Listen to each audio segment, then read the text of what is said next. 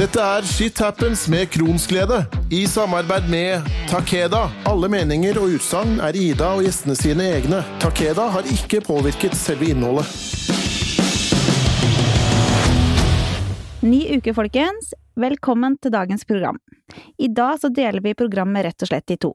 Jeg har med meg Mats Johansson, som er generalsekretær, og Arne Schotten, som er seniorrådgiver i LMF. Først så skal vi ta for oss hva IBD er. Og så skal vi prate litt om ulcerøs kolitt og morbus Crohn. Det er nok mange som ikke vet hva IBD er, eller som ønsker å lære mer om sykdommene. Derfor så skal vi ta et lite dypdykk i det medisinske i første del. I del to så skal LMF få fortelle litt om organisasjonen, og hva de kan bistå med, og hva de kan gjøre for sine medlemmer. Men aller først, så velkommen til både Mats og til Arne. Tusen takk. Takk, takk, ja. Jeg er veldig glad for at dere hadde lyst til å komme til meg og hjelpe meg med å gjøre det vanskelige litt mer lett å forstå. For når man enten blir syk selv eller er pårørende til en med fordøyelsessykdom, så er det veldig mange nye uttrykk og ord som man hører. Og ord som man kanskje ikke forstår noen ting av. Først så kan vi begynne med LMF. Hva står LMF for? Ja, LMF står for Landsforeningen mot fordøyelsessykdommer. Så det er mange forkortelser å holde styr på i vår bransje. Det er det, og det er viktig å prate om, sånn at ikke folk bare tenker at eh, ja, LMF, og så vet de egentlig ikke hva det står for i det hele tatt. Og så er det IBD, da. Hva er IBD? IBD det står for eh, Inflammatory Bowel Diseases, og altså inflammatoriske tarmsykdommer. Og er samlebegrepet på særlig Crohns sykdom og ulcerøs kolitt. Ja.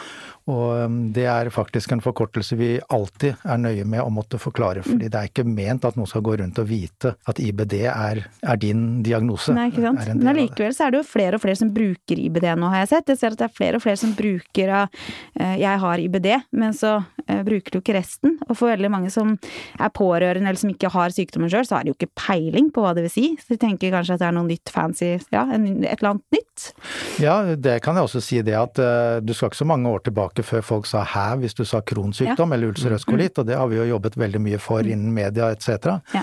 Sånn at det er ikke så ukjente begreper, og da kan det hende at det er litt feil hvis vi skal innføre IBD som mm. normalbegrep. Jeg er helt enig. Jeg tror nok hele, hele systemet og bransjen, og oss inkludert, bør bli flinkere til å si hele sykdomsnavnet ja. istedenfor IBD. Enig.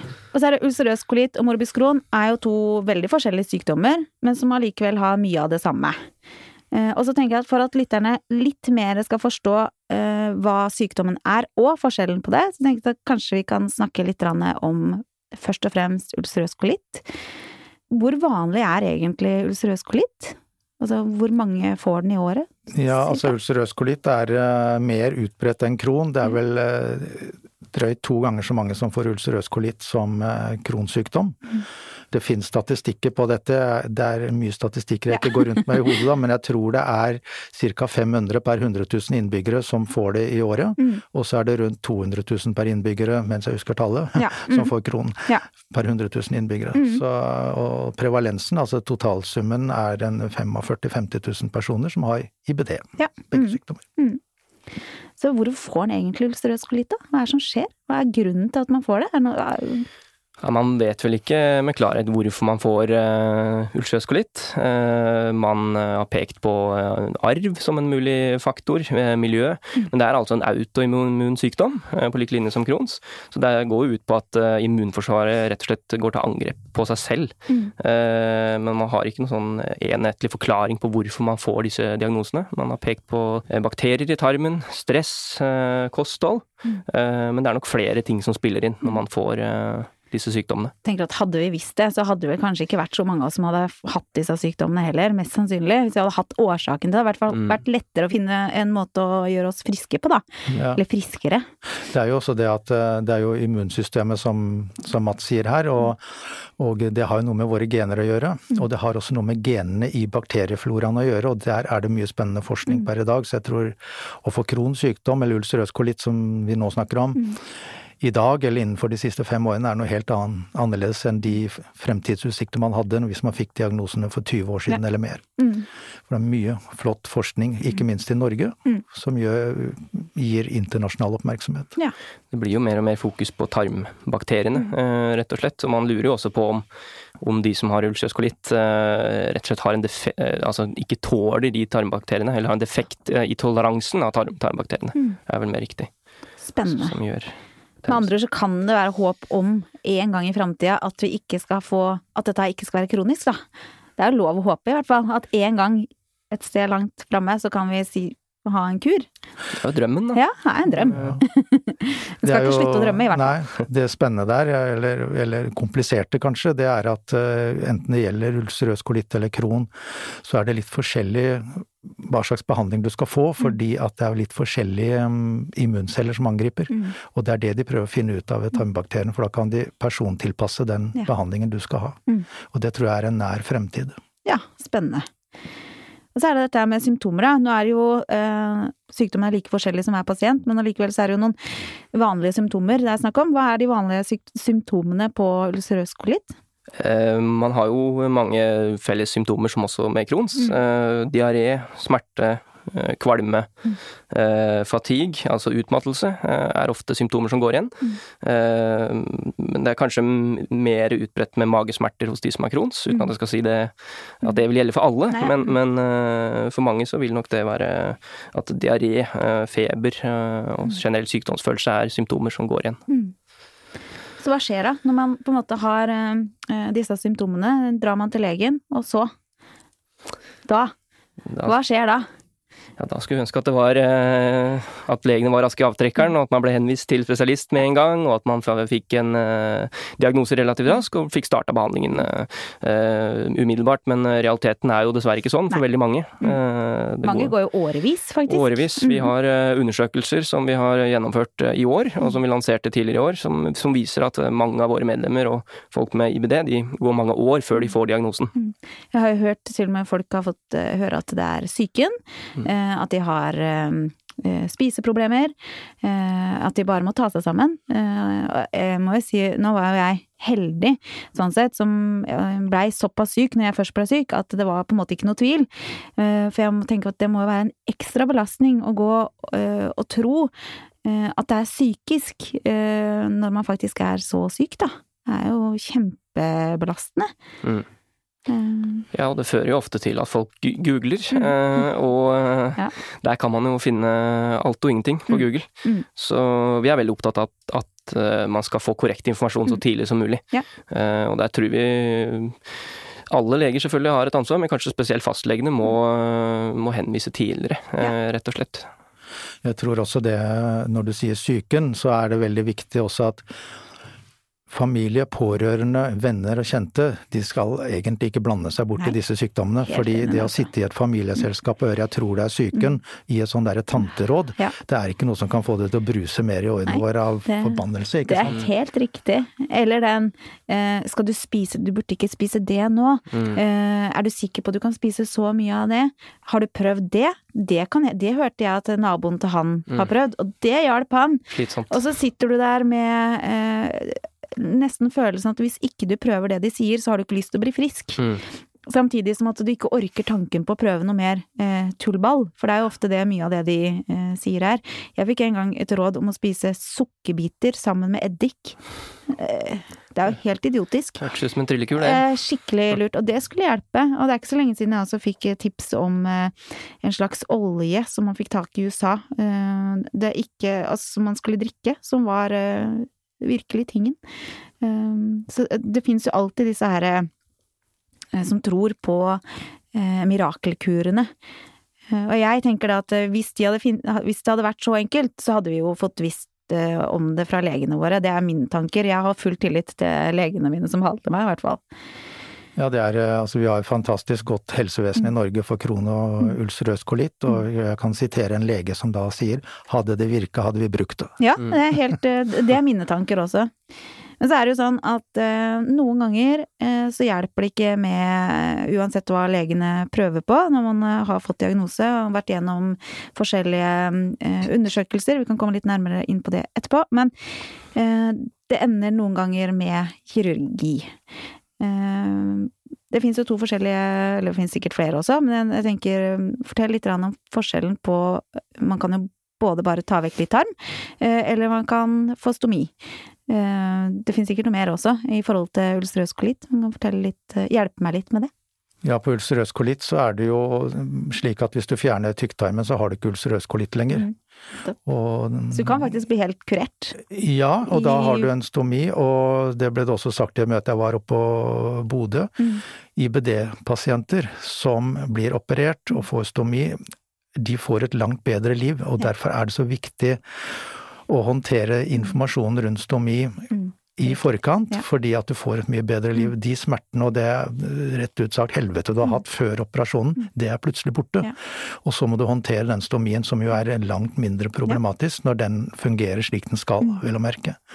Og så kan man pulsrøskolitt uh, reopereres og legge tynntarm sys til endetarmen, og så går man på do på vanlig måte, og får da et reservoar som eh, for veldig mange fungerer veldig bra. Hvis det ikke fungerer veldig bra, så må man, må man da opereres tilbake igjen ja. senere.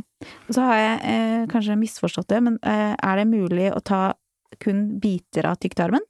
Eh, og ta det og skjøte sammen, eller er det, jeg tenker sånn små biter hvis det er veldig betent, at man bare, eller trange partier, eller jeg vet ikke. Jeg mente jeg bare leste om det for en stund tilbake. Ja, det er jo mange som har eh, en kort ja, tykktarm. Ja, da er det ikke feil. Jeg har selv en veldig kort tykktarm. Ja, ikke sant. Ja. Så det er, ikke, det, er, det er også en mulighet, på en måte. Det er ikke bare stomi de, de gjør, det er også andre, andre Ja, de fjerner det området som er nødt til å fjerne, ja. og så beholder det som ikke skal tas. Mm. Så det, det er veldig individuelt. Snakk med kirurgen din. Ja. Altså du får henvisning til mm. kirurg, så får man det godt forklart. Mm. Så det er en eh, Det er selvfølgelig en dramatisk endring å få en stomi, men det er jo veldig dramatisk å leve videre med noe som er så tungt mm. som disse sykdommene. Det må settes i kontest til hverandre. Eh, mm. forskjellen på å leve et liv med, eh, som jeg vil si nesten er som et fengsel, hvor du er fanga til ditt eget hjem, kontra det å ha en pose på magen som også vil merke når det fungerer, men det er jo litt som å få livet litt tilbake, da. Eh, og at hvis du klarer da å bli venn med den stomien igjen og kjenne på at faktisk du kan kontrollere livet ditt igjen, må jo være en gave, rett og slett. Ja, ja. Også for oss er det viktig å se på stomi som en del av løsningen. Mm. Uh, og, og, vi tror nok det er veldig stor forskjell i hvordan man opplever å få stomi. Uh, altså hvis du får tarmkreft og må få stomi uh, etter veldig kort tid, ja. så har du kanskje ikke fått den samme tiden til å forberede deg mentalt, eller mm. å leve med en kronisk sykdom si ti år, da, mm. hvor du har hatt smerter og rett og slett hatt et helvete. Mm. Og så får du en stomi, så det, gjør det situasjonen din og hverdagen din mye bedre. Mm. Så vil man jo ja, ha et litt annet syn på det. Og så har vi jo da morbus Crohn, som er det jeg selv har. Mange vet at har man kron, så kan man bli syk i hele fordøyelsessystemet. Også da fra endetarm til munn. Men det mange kanskje ikke vet, er at kron eh, allikevel oppfører seg annerledes enn om man har eh, ulcerøs kolitt. Tenker både da hvordan eh, dybden, altså dybdenbetennelsen går i, i tarmen, eh, og at det kan lages fistler. Jeg har lyst til å snakke litt mer om, om det. Et litt spennende tema. Fistler er til både ja, mer sorg enn noe annet, i hvert fall. Ja, fistler er jo, så vidt jeg kan huske, så er det opp mot 50% som opplever å få fistler. Og um, fistler og fistler, det er også en veldig individuell ja. sak, for du kan ha fistler fra tarm til tarm, og du kan ha fistler fra tarm til en et annet organ, mm. og det kan komme ut på maven, og det kan være disse perianale fistlene, som kanskje er det mest vanlige, mm. som kommer ut ved, rett ved endetarmsåpningen, mm. og skaper enorm smerte og problem. Bare det å Jeg satt jo mange år i EFKA, i den europeiske paraplyorganisasjonen, og et medlem der i styret kunne melde avbud kvelden før, for det er ikke mulig å sette seg et fly hvor du må ha på sikkerhetssel, ikke kan reise deg opp, ikke sant. Så det er eh, fistler, det inngår i det man kaller ekstraintestinale manifestasjoner, og det er som sagt ganske det er ikke uvanlig da når du har kron. Nei. Ellers er kron noe som rammer hele eh, kanalen. Mm. Og den tar jo tarm eh, I tarmen så tar den jo muskulaturen nå, mm. mens ulcerøs kolitt så er det slimhinnen som mm. angripes. Og vi som har kron, jeg har jo det selv, mm. og jeg har hatt det i mange år, og jeg vet jo at det er en forskjell på å ha kron i tynntarmen kontra i tykktarmen, ja. og det er en tredje forskjell hvis du har det begge steder. Mm. Og du opplever veldig mye kvalme og mm. fatigue og, og um, følgene av noe som kanskje er mer vanlig enn fistler, det er jo stenoser. At du får trange partier.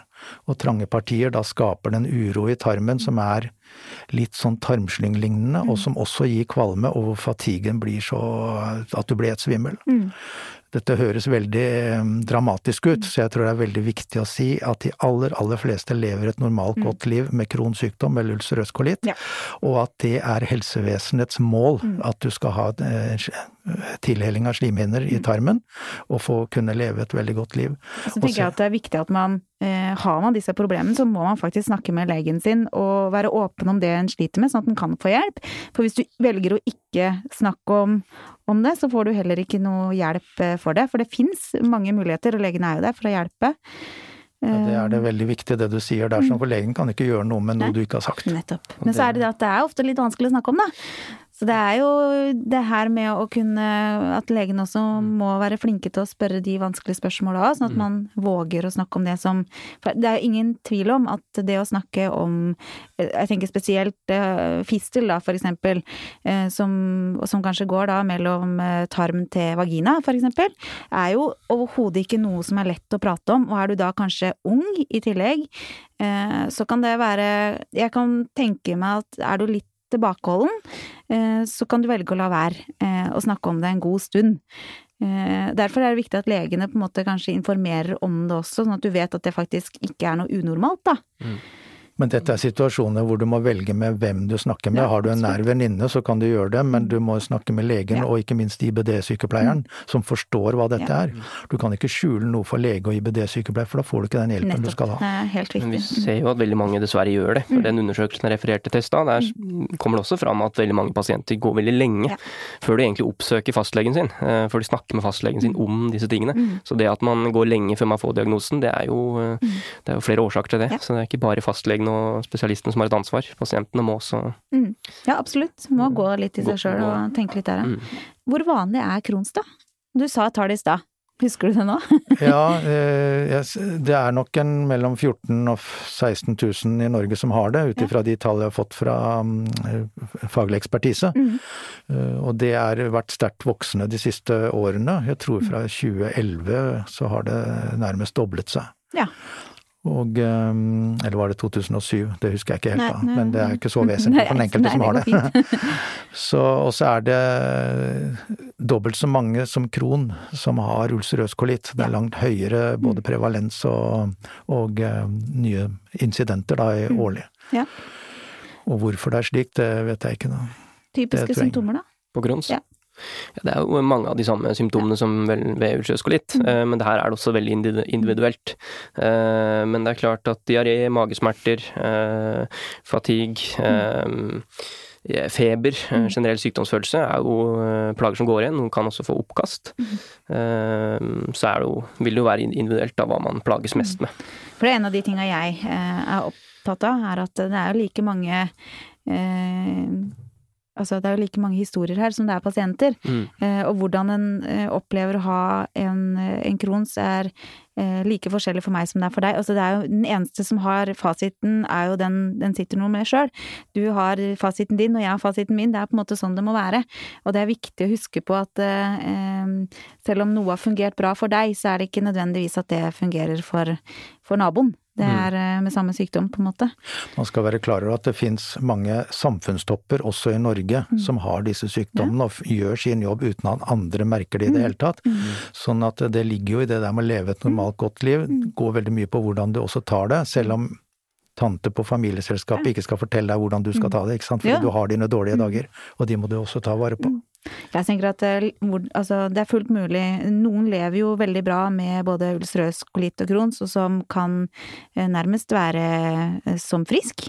Eh, og så har du andre enden av skalaen som eh, er operert 50 ganger. Og jeg tenker at alle har sin historie som er like viktig, da. Målet må jo uansett være å leve så bra som mulig der du eh, er, og at en prøver å løse det på så bra mulig måte en kan. Og det er jo også veldig vanskelig, fordi når du har disse sykdommene, så må du foreta en rekke vurderinger Mm. hele tiden, og du får signaler fra tarmen Mm. nesten hele tiden. Den siste vurderingen du gjør før du går hjemmefra, det er når du tar på deg skoene dine, Mm. og kanskje når du låser døren med at 'å, jeg gleder meg til å komme tilbake'. Ja. Alle de vurderingene slipper du å gjøre hvis du holder deg hjemme. Mm. Ja. Og det er en stor utfordring som vi også som forening har, er å nå de som sitter hjemme, for det behøver du ikke gjøre. Mm. Du må, du må bare ta de vurderingene, legge de planer som må til, snakk gjerne med legen din om det, for det kan hende du kan få noen symptomdempende legemidler. Og så ut, ikke sitt på gutterommet eller jenterommet og, og bare driv med dataen, for det er det tryggeste. Mm, Det tryggeste stedet i verden. Og jeg kan sjøl si at jeg valgte det i mange år. Jeg valgte å sitte hjemme. Eh, mista hele min omgangskrets. Eh, altså alt. Jeg hadde det eh, ganske forferdelig. Eh, og jeg tror også at de rundt meg syntes jeg var forferdelig å være sammen med på den tida der. Fram til jeg fant ut at eh, dette her er mitt liv. Eh, jeg lever én gang, og jeg tenker at eh, når jeg blir gammel, så har jeg lyst til å se tilbake på det livet jeg eh, fikk til på tross av sykdommen. Det vil da si at jeg ønsker å leve så godt jeg kan i dag, og gjøre det jeg kan for å tilrettelegge for at min dag skal bli så bra som mulig. Jeg kan ikke gjøre alt, men jeg kan gjøre mye. Og så handler det om å ta og gjøre det jeg kan, og så tilrettelegger jeg og gjør alt jeg kan for å klare det. Eh, Noen dager så går det selvfølgelig ikke, men da har jeg prøvd, da. Mm. Så tenker jeg at ok, eh, noen ganger så går du på en smell, men den smellen er verdt å ta for Mm. å kunne ha alle de andre da, dagene som du faktisk får til, de små tinga som du har lyst til. Ja. Ja, og da kan du også si at dette er jo noe av det vanskeligste vi sliter med uansett alder, og da blir det jo verre jo yngre du er, faktisk. Jo, fordi hvordan skal de uttrykke at jeg kan ikke bli med akkurat nå? Og så skal foreldrene også forstå det. Så det er en uh, jeg kan jo bare tenke meg at det er fort gjort å tenke at barnet ditt er lat, eh, Mm. at ikke det gidder. Ja, Der kommer du inn på noe som er veldig relevant. altså det her med At sykdommene våre er jo usynlige, Mm. eh, på godt og vondt. Eh, Så man kan jo ha problemer kanskje med å bli, på- bli trodd Mm. eh, og forklare for andre at du har en kronisk sykdom. Du ser jo ikke nødvendigvis syk ut. Nei. Men det er jo klart at uh, noen vil også sette pris på at den er, noen ganger er usynlig. Mm. Noen ganger så vil man ikke snakke om sykdommen, man vil ikke bli spurt om eh, de ting. Man vil bare blende inn og være, Ja. på en måte oppleves som eh, Normal, normal. ja. Så det er jo usynlig på, på godt og vondt. Mm, absolutt. Det er viktig at det er pasienten selv som velger når den vil si noe. Mm. For det er sånn der, hvordan går det med den kronsykdommen din? Ikke sant? Så er ikke du i modus for å svare på det akkurat nå, og det er ikke et tisekunders svar heller. Jeg tenker at eh, jeg sjøl unngikk i veldig mange år disse her eh, typiske familieselskapene, fordi jeg orka ikke tanken på at alle skulle spørre meg om hvordan går det med avføringa nå? Mm. Tenk at det er såpass personlig svar. At det er egentlig ikke ting, eh, ting man spør om. Eh, Og jeg hadde, husker jeg hadde så lyst til å bare spørre det samme Mm. tilbake. Jeg tenker at man spør faktisk ikke om sånne ting. Men idet du får en sykdom, så er det akkurat som det blir normalt og lov eh, å spørre om de spørsmåla eh, som en vanligvis ikke ville spurt om, da. Mm. Så det er eh, noe å tenke på når man er pårørende. Det er virkelig å mm, tenke deg litt eh, om før du lurer og tenker, og før du spør. Og så tenker jeg litt sånn, eh, er det sånn at det er noen andre organer enn mage- og tarmkanalen som kan få Crohns, også kan utsettes for Crohns? Ja, det er jo Jo, og så tenker Kron jeg- kan du få um, De er heldigvis veldig sjeldne, Ja. da, så jeg vet ikke uh, Jeg tenker ikke at du skal gå langt inn på, men det er faktisk mulig, sant? Andre organer kan Ja. få um, Jeg vet uh, veldig få kan få kron i øyet, Ja. som er særdeles plagsomt, Mm. vondt, og du mister synet. Kan miste synet. Mm. Vil ikke gå nøye inn på de tingene der, sånn, du kan få kron i huden, som jo også er veldig Ja, det har jeg også ubak. hørt om. Mm. Det, det jeg tenker med det, er jo at kron er jo en mye mer omfattende, og det er jo strøskolitt, mye mer omfattende enn bare at du har vondt i magen, og at du går på do. Det er på en måte i større eller mindre grad ganske invaderende, da. Eh, I hvert fall i perioder, så er det jo noe som går utover det eh, sosialt, fysisk og psykisk og ja, alt. Det er totalpakka Ja, som gjør at man uh, opplever utfordring. Uh, det å fly på do uh, regelmessig kan nok de fleste klare en ukes tid, men når man skal begynne å leve i den hverdagen i opptil flere måneder og år, så går det utover mer enn bare det å fly på do. Da går det utover arbeidsliv og, og det sosiale og psyken. Mm. Og det er jo fortsatt dessverre mye tabu knytta til sykdommene som vi ønsker å bryte ned, Mm. som, som gjør det vanskelig for folk å prate med kollegaer Mm. Eller venner om det. Ja. Og en ting som jeg øh, tenk, har tenkt mye på. Da. Det er, eh, veldig mange tenker jo at man går bare på do, så er man ferdig. Men man kan jo tenke seg når man har gått på do kanskje Ja, på det verste så kan jeg gå 30-40 ganger i løpet av et døgn. Eh, og det som skjer i rumpa da, det er jo noe som overhodet ikke er forenlig med å sitte. Eh, og det er jo også en av de tinga som ikke mange kanskje forstår. Det er jo en, en får jo en rumpe som ser mer ut som en sånn åpen, rå kjøttkake. Eh, og det fins eh, hjelp å få for det også, men man må jo tørre å snakke om det. Eh, og det å gå på do med en sånn rumpe er jo også helt, helt forferdelig. Så det er så mange mere ting, da, enn bare den derre eh, ja, at du går på do de få gangene. Jeg har blitt spurt om om jeg kan forklare hvordan det er når jeg har det som aller verst, om, om det finnes en måte jeg kan beskrive det på. Uh, og det eneste jeg finner ut, er at hvis du har eh, omgangssjuken, da, sånn skikkelig omgangssjuken, og så tar du og slenger på eh, influensa, sånn at du får vondt i muskler og ledd og feber og alt det der, og så topper du det med noen sånn skikkelige fødselsrier. Da har du sånn, og da snakker jeg, da er du ordentlig dårlig, altså. Så det er ikke sånn du er hele tida. Men det er sånn jeg vil si at det er på det verste. Det er litt viktig for at folk skal forstå at dette her er ikke snakk om at du har litt vondt i magen. Det er mye mer vondt enn det. Det du sier der, er veldig viktig også fordi at eh, i dag så har man det ikke sånn. altså Med den medisinske behandlingen vi får, så går alt så veldig mye bedre. Mm. Men det kunne godt hende at det for oss som har hatt sykdommen i mange mm. år, kunne gått enda bedre. Mm. Fordi vi sammenligner vår situasjon i dag med mm. når det var veldig mye ja. verre. Ja. I stedet for de som Er du nydiagnostisert, så mm. sammenligner du med hvordan det var å være frisk, ikke jo, sant. Men det har vi det sånn antagelig glemt hvordan det er, mm. hvis vi har vært friske noen gang, da. Ja, ikke sant. Det er også en spørsmål en kan stille seg. Ja. Og hvordan man stiller diagnosen med Crohns er jo selvfølgelig da lik som med ulcerøs kolitt. Det handler jo om noen undersøkelser vi må ta. Kan du forklare litt om hva vi må gjennom for å finne ut av hva som feiler oss? Ja, de enkle og greie er jo du må ta blodprøver, du må sende inn eh, fekaltest, altså en eh, sånn eh, sende inn en prøve av avføringen, mm. hvor de måler kaldprotektin. Og hva er kaldprotektin? Ja, det er et, et, Folk skal forstå hva vi snakker om? Ja, det er et stoff som det, de analyserer det, og så kommer det ut en tallverdi på det. Mm. Som hvis den ligger på rundt 50, så er jo egentlig ganske så godt som frisk. Mm. Men noen kan jo ha den på flere tusen, og da mm. indikerer det en betennelse i, um, i kroppen din. Mm. Så det er et veldig godt eh, forhåndssignal, og når man har våre sykdommer, så sender man inn det regelmessig. Så ser man også hvilken retning dette tar, og man kan gripe tidligere fatt i en eh, medisinsk behandling, noe som er veldig, veldig viktig for å få en, en god respons på det.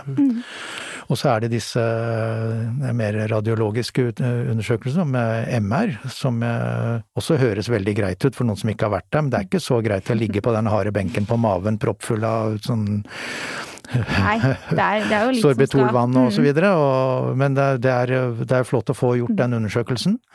Eh, noen har også CT-undersøkelse, tror jeg man er mer forsiktig med pga. strålingen.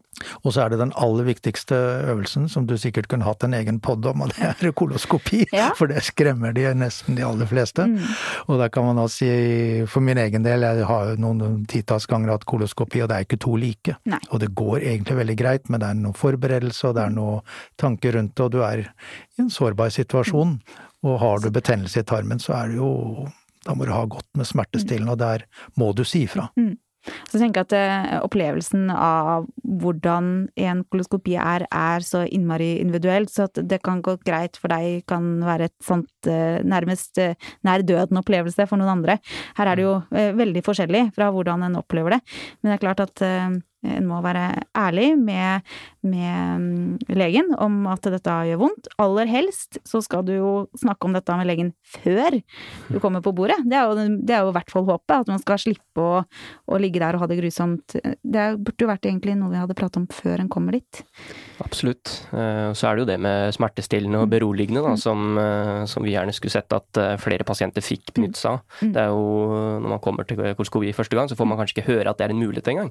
Så får man høre det av noen andre at de fikk det, og så må man spørre. og mm. kanskje no, no, Det er ikke alle som er like glad i å, å, gi det til pasientene, men jeg forstår ikke helt hvorfor. Altså, Du skal gjennom en ganske omfattende undersøkelse. Du har mm. nettopp tømt deg for alt innhold Det er mm. ganske uh, manko på energi. Uh, og da tenker jeg at da sparer man ikke på det hvis noen ønsker det. Altså, så det tenker jeg det er et sånn standardspørsmål som alle burde blitt stilt når man skal inn til koloskopi, enten det er første gangen eller den 25. gangen. Mm. Og jeg mener jo at det bør være helt ærlig, eh, ut ifra mine erfaringer eh, som 18 år som syk, så mener jeg at alle som skulle tatt disse undersøkelsene, burde vært gjort eh, under narkose.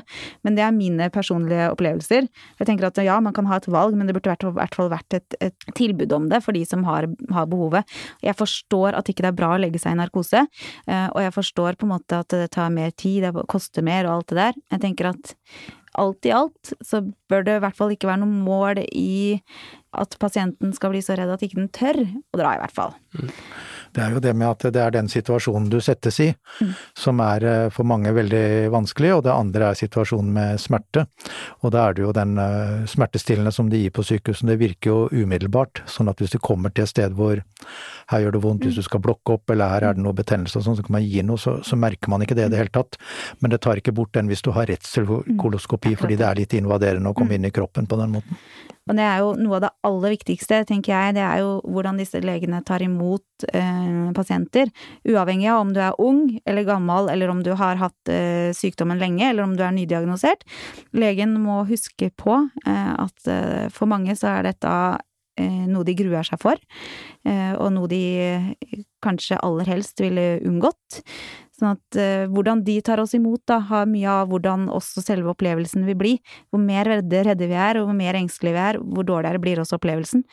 Uh, så jeg mener at uh, akkurat den biten bør være mye mer fokus på enn hva det er vært til nå. Det har vært det, i hvert fall det jeg har opplevd. Det har vært lite fokus på, på meg som person, og mye på oppgaven som skal gjøres. Mm.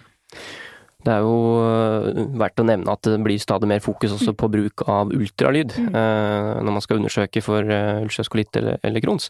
Så forhåpentligvis i fremtida så vil man kanskje i mindre grad ha behov for en koloskopi. Mm. For nå er jo bildene som kommer fram med ultralyd mye bedre enn det de var for altså 10-15 år siden. Mm. Så, så, det, det, er en fremtid i, i det, altså det. Da betyr det at man slipper også tømmes, da? På samme ja, måte, i hvert fall? Ja, det vil jeg vel anta at ja. man vil slippe, ja. Mm. Uten at jeg skal si det for sikkert. Men vil anta at man uh... Bare tenk, det er jo en eh, glede, gledesrus å få slippe det. For det også er jo ny, veldig mange som gruer seg for, den ja. tømmerprosessen. Ja. Eh, det også er jo en, en prosess som er slitsom. Og til tider vond, mm. ubehagelig. Og du er jo lost totalt til mm. huset ditt fram til den tømminga er ferdig? Altså, vi vet om veldig mange som uh, syns at nesten den tømmingsfasen er verre enn koloskopien. Det vil jo selvfølgelig være individuelt, ja. men det er jo hele prosessen her mm. som blir uh, kan oppleves litt uh, negativt. Uh, det er som du sier, du blir låst til hjemmet ditt, og du må, må drikke en guffe som ikke nødvendigvis er den beste å drikke. og så er du jo kanskje tappa for mye næringsstoffer allerede pga. at du har en kronisk betennelse i tarmen, og så skal du da tømme alt som er er av innhold. Så ja, det hadde vært en stor fordel å slippe det. Ja. Det er jo også veldig, igjen veldig flott at den forskningen foregår i Norge, det er ved Haukeland sykehus, mm. med, med, ultralyd, og prøve å få dette implementert i undersøkelser i, på sykehusene rundt om. Og LMF er med i styringsgruppen der sånn. Slik at vi også får frem viktigheten fra pasientperspektivet på den type undersøkelser. Og det kommer flere nye diagnostiseringer på våre sykdommer. Mm. Og det er også tenkt å ha et eget møte om det, hvor dette kan eh, legges frem fra mm. faglig ekspertise. Mm. Ja, det er jo kjempe, kjempebra og utrolig viktig. Jeg tenker at hvordan en Hvis det er mulig å gjøre disse undersøkelsene eh, på en mer skånsom måte, eh, så er det klart at det vil være mye lettere for folk å få gjennomført det. Jeg som mamma eh, må jo si at den tømmingsprosessen Jeg har fire barn, som, og er mye aleine med barna òg, for mannen min jobber mye av gårde, både ja, utenlands og i det hele tatt. Så er det klart at det å skulle da være aleine med fire barn samtidig som du holder på med å tømme, det er nesten umulig. Mm. Og i fjor, rett før jul, så fikk jeg innkallelse til å ta koloskopi den fikk jeg, jeg mener det var 21. desember, eh, rett før jul. Og når jeg ringte dit, så sa jeg at jeg bare lurer på åssen dere har tenkt at jeg skal få dette til. Eh, jeg forstår at dere på en måte ser det som en fin ting å få gjort nå rett før jul, men for meg så er det klinisk umulig. Vi skal ha hele huset fullt til jul, vi har på en måte mer enn nok å gjøre. Jeg har ikke mulighet til å sitte på do eh, rett før jul. Jeg fikk heldigvis forståelse for det, så jeg fikk utsatt timen. Men jeg tenker at det det er mange av de undersøkelsene der som en gjerne skulle unngått, eh, i større eller mindre grad.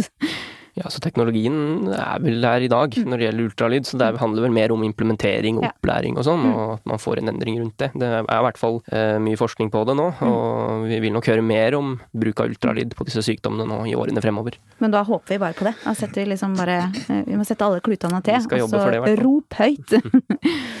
det finnes eh, i tillegg til eh, ulcerøs kolitt og Crohns en del mindre kjente fordøyelsessykdommer som også påvirker i større eller mindre grad. De fleste vet jo om IBS, eller eh, irritabel tarm, men så finnes det jo også noen flere litt rarere sykdommer, ikke rarere sykdommer, men ord som kanskje ikke har hørt så ofte om. Har dere lyst til å nevne noen få av de? Ja, det finnes jo um, gastroparese, er en del av våre medlemmer som har. Mm. Og så er det det som heter noe så enkelt som eosinofil gastritt og eosinofil øsofagitt, Ja. som også flere av våre medlemmer har. Og det finnes en rekke andre mindre sykdom, ikke mindre, men hvor det er færre pasienter. Mm. Uh, Og um, det kommer faktisk et bilag i Dagbladet 3. desember i år hvor temaet er fordøyelsessykdommer og de Ja. mindre kjente sykdommene. Uh, Og der har de også tatt inn kronulls røskolitt som uh, sjeldne sykdommer. Det er ikke medisinsk sett sjeldne sykdommer, men det er ikke noe alle helt Vet hva er. vet hva er. Så da har man et tema på det der, og, og det er også veldig viktig, fordi det blir som kron for 30 år siden. Det er ingen som vet hva du har, ikke Mm. Nei. sant. Det er ingen som går rundt og sier de har eosinofil gastritt eller kolitt eller Og det er jo veldig mange som også tenker at har du IBD, så er det enten ulcerøs kolitt, eller så er det Crohns. Men så er det at det finnes så mye mer enn det. Og derfor er det litt viktig at man også får sagt at det er jo det er mye mer enn bare to grupper. Det er bare Ja. at uh, det er ikke nevnt så ofte. Ja. Det er jo litt hvor det sitter hen også. Ulsjøs prokitt sitter jo da mer i endetarmen. Mm.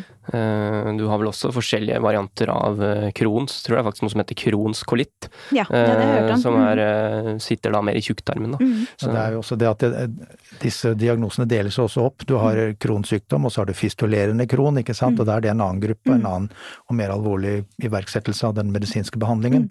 Sånn at dette kan deles opp i veldig mange grupper. Mm. Ja. Men fordøyelsessykdommer, det er eh, tabu. Ja. Det er kanskje det største medisinske området som er Mm. i, i kroppen, sett fra legenes side. Og det medfører nok veldig mange syke dager i samfunnet Mm. når man ikke får den behandlingen som trengs.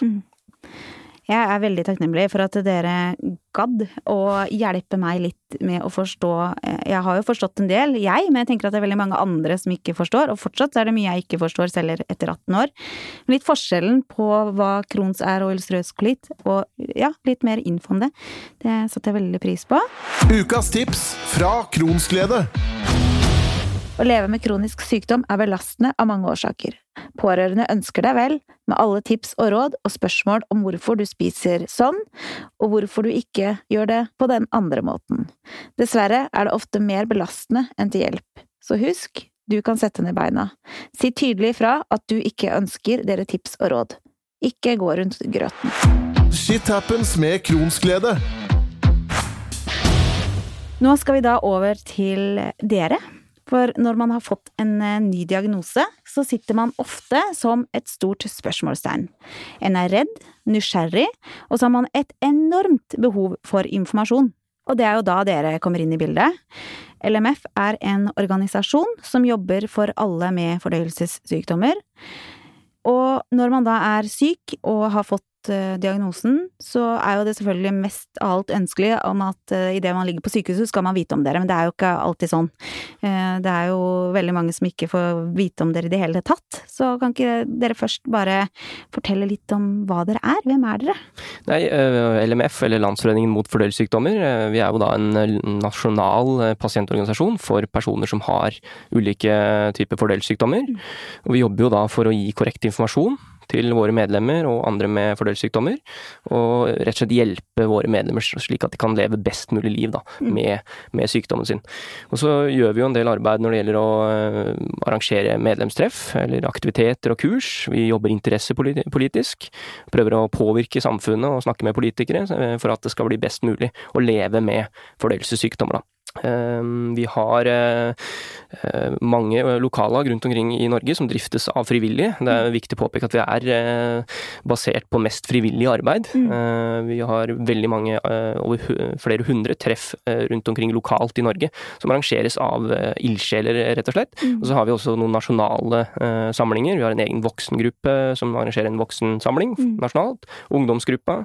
Eh, Disse sykdommene er jo eh, sykdommer som eh, ofte debuterer i veldig ung alder. Mm. Så vi har uh, veldig mange engasjerte ungdommer, Mm. uh, og mange un ungdommer i målgruppa vår. Mm. Så barn og unge har ofte vært eh, prioritert Mm. hos oss. Og um, vi skal ha en ungdomssamling nå, nå for de mellom 12 og 17, så det, det er eh, veldig mye fokus mot dem, da. Ja, og det er jo kjempebra. Men, tenker, men, men eh, så er det jo et eh, litt eh, interessant spørsmål. Hvordan jobber dere for medlemmene deres? Ja, vi har veldig mange temaer vi jobber, jobber med. Mm. Som jeg nevnte i stad, vi jobber jo for en bedre hverdag for alle med fordøyelsessykdom. I år, og for så vidt deler av neste år, så er et av temaene vi jobber veldig mye med, er, at, er fokus på mental helse. Mm.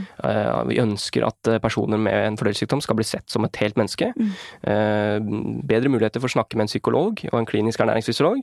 Når man får en eh, diagnose, så burde det være en automatikk i at man eh, får spørsmål knytta til den mentale helsen. Mm. Kanskje får et tilbud. Det, trenger du å snakke med noen? Du har nettopp fått vite at du får en kronisk, alvorlig sykdom. Mm. Da mener jeg det er naturlig at man også snakker med Mm. pasientene om, eh, om mental helse, og også henviser videre til klinisk ernæringsfysiolog, selvfølgelig om pasientene ønsker det. Mm. Så Det er en av de tingene vi jobber med akkurat nå. Vi har ute en undersøkelse som kartlegger hvordan, i hvilken grad helsepersonell faktisk snakker med pasientene om det her. Og basert på de svarene så vil vi jobbe videre med å prøve å få mer eh, oppmerksomhet rundt Mm. den tematikken her, da. Så det er jo en av de områdene vi jobber med nå tiden fremover. Mm. Også en annen ting som er veldig aktuelt nå, er jo eh, Verden toalettdag, som vi skal også gjennomføre en undersøkelse nå, som ser på i hvilken grad eh, toalettene på arbeidsplassen faktisk er tilrettelagt. Er de, er de godt nok lydisolert? Mm. Eh, hvor er de plassert? Mm. Hvordan opplever de som jobber på arbeidsplassen eh, lydisolering av plasseringa? Mm. Det er ikke noe krav i dag eh, når man skal bygge nye bygg til lydisolering, eh, eh, eller at de skal være spesielt lydisolert med tanke på våre diagnoser. Mm. Eh, Så vi, vi ønsker å kartlegge litt eh, hvor eh, ja, hvordan det føles for eh, de som har fordøyelsessykdom, og så vil vi jobbe videre ut ifra det. Mm. Eh, Ta kontakt med Direktoratet for byggkvalitet, prøve å se om vi kan få til noen endringer her. Mm. Så det er jo noen eksempler på hvordan vi jobber, da, Mm. eh, for medlemmenes interesse, og det er derfor vi trenger flere og flere medlemmer, for da blir vi sterkere i vår Mm. sak, da. Som eh, mor eller far, da, eh, idet barnet ditt blir sykt, en ungdom eh, for eksempel. Hvordan eh, kommer man i kontakt med dere? Hva, hva gjør man da? Det er jo um, ulike måter å komme i kontakt med oss, men de aller fleste får kanskje høre om oss forhåpentligvis på sykehuset. Nå, nå er jo ikke det dessverre alltid at det er sånn. Vi jobber nå med å kartlegge litt eh, hvor flinke helsepersonell er til å informere om oss. Vi kommer til å jobbe for at flere skal informere om oss, men eh, de googler helt sikkert, Mm. og da kommer vi forhåpentligvis høyt opp. Mm. Eh, De hører kanskje fra bekjente, og så melder de seg inn, og da får de litt informasjon om hvem vi er, og hvilke medlemsfordeler og aktiviteter, og så vil de da bli invitert etter hvert til eh, treff fra sitt lokallag. Mm. Og selvfølgelig også nasjonale samlinger, men vi har jo aller flest samlinger lokalt, stort sett. Mm. Jeg tror også summen av det vi gjør er årsaken til at en undersøkelse som Norges Handikapforbund gjorde med Barne-, ungdoms- og familiedirektoratet viser at blant pasientforeninger for kroniske sykdommer så har eh, LMF den som har vokst mest på 20 år. Ja. Av flest medlemmer. Mm. Eh, Dessverre skulle vi gjerne vært færre og færre og færre, men slik er det jo ikke. Nei. Og det blir jo også noen flere pasienter, nat naturlig nok. Mm. Ikke naturlig nok, men det er faktisk slik. Og, eh, men det er eh, De, de har ment på mm, redaktøren ved Norges Handikapforbund at de tiltakene vi har for pasientgruppen, gruppene, er årsaken til at vi vokser så mye som det vi gjør. Mm. Og det er en veldig viktig del, det første som Mats sier med informasjon, fordi du kan google deg fram til så mye rart. Det er derfor det på Norin ble laget fake news Mm. Ja, ja. på betennelsessykdommer. For det er jo, du kan få alle mulige former for helbredelse med påstand om helbredelse Ja. som eh, ikke har rot i virkeligheten overhodet.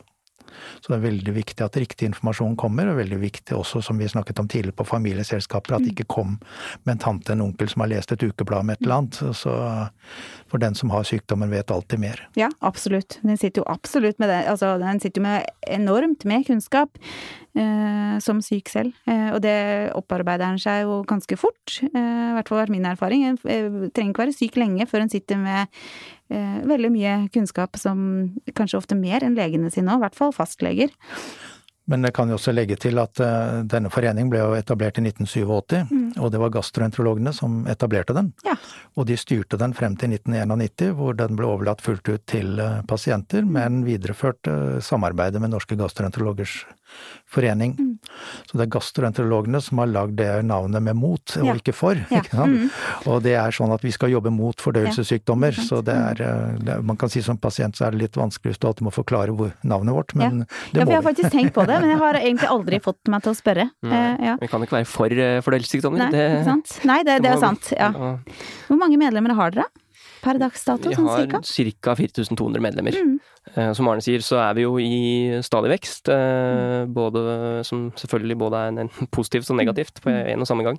Eh, Vi, vi ser jo at fordøyelse og mageproblemer er jo noe som stadig snakkes mer om. Mm. Så det kan også ha noe med det, at eh, vi, vi lykkes med å gjøre det mindre tabubelagt. Mm. Flere melder seg inn, Mm. men så er det også at flere får disse sykdommene. Mm. Så er vi også ganske gode i Norge på å diagnostisere og stille sykdommene. Mm.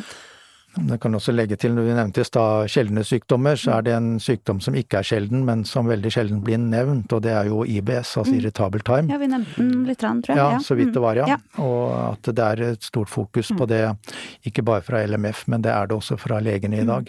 Ja, for den er jo, det er jo en stor gruppe mennesker. Det er jo Ja. kjempemange som sliter med Jeg kan si 10-15% av befolkningen Ja, har det jo. Ja. Og det kom også opp på et jeg var på nå, at borti 50% av kronpasientene som er i remisjon, har jo også IBS. Ja. Sånn at det, er, dette henger veldig sammen og er et viktig område. Men det er veldig mange som har det, så jeg kan ikke putte det inn i at dette er sjeldent. Nei, nei, ikke sant. Ja. Hvis man eh, ønsker å bli medlem hos dere, da, hva- hvordan gjør man det? Har dere nettside man melder seg inn på? Er Ja, det, da går man til lmfnorge.no, Mm. og så er det vel en fane der som, som det står 'bli medlem', Mm. og så klikker man seg bare gjennom der, fyller inn et skjema, Mm. og så betaler man medlemskontingenten, og så er man medlem. Og så har dere jo én ting som eh, sikkert eh, alle egentlig burde hatt, og det er dette berømte dokortet. Kan dere fortelle litt om, litt om det? Ja, vi kan fortelle mye om det. Ja, vi må ta litt, da. Ja. Dokortet, det, det siste som er fra i år, det er jo at det er elektronisk og kan lastes ned på smarttelefoner. Og det står bare med store bokstaver 'det haster', og så er det slik at, eh, at du med en gang kan se hva dette kortet dreier seg om, for det har vært veldig viktig ikke putte inn europeiske flagg og alt mulig sånt Ja. dildal for å, å reklame for foreningen, men at dette er fordi det haster for deg å komme på en do. Mm. Og det har vært testet rundt om, det startet på Arendalsuka Mm. blitt testet, og, og det fungerer veldig bra. Mm. Og Mats og jeg, vi har testet det i, i Torgata, nettopp fordi at der er det butikker, det er ikke kjøpesenter hvor du kan henvise til en do.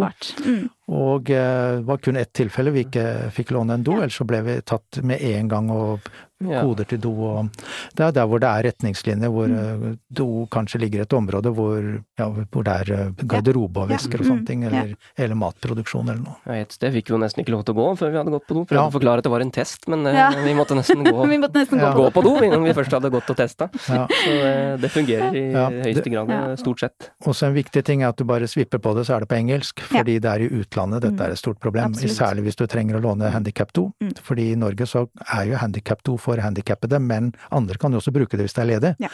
Og eh, i utlandet så er det forbudt. Mm. Så det er eh, Mm. Da har jeg brukt det gamle kortet, fordi da har det- stått på flyplassen i Brussel, sto to vakter utenfor når jeg kom ut, for jeg hadde ikke tid til å vente på den køen som var.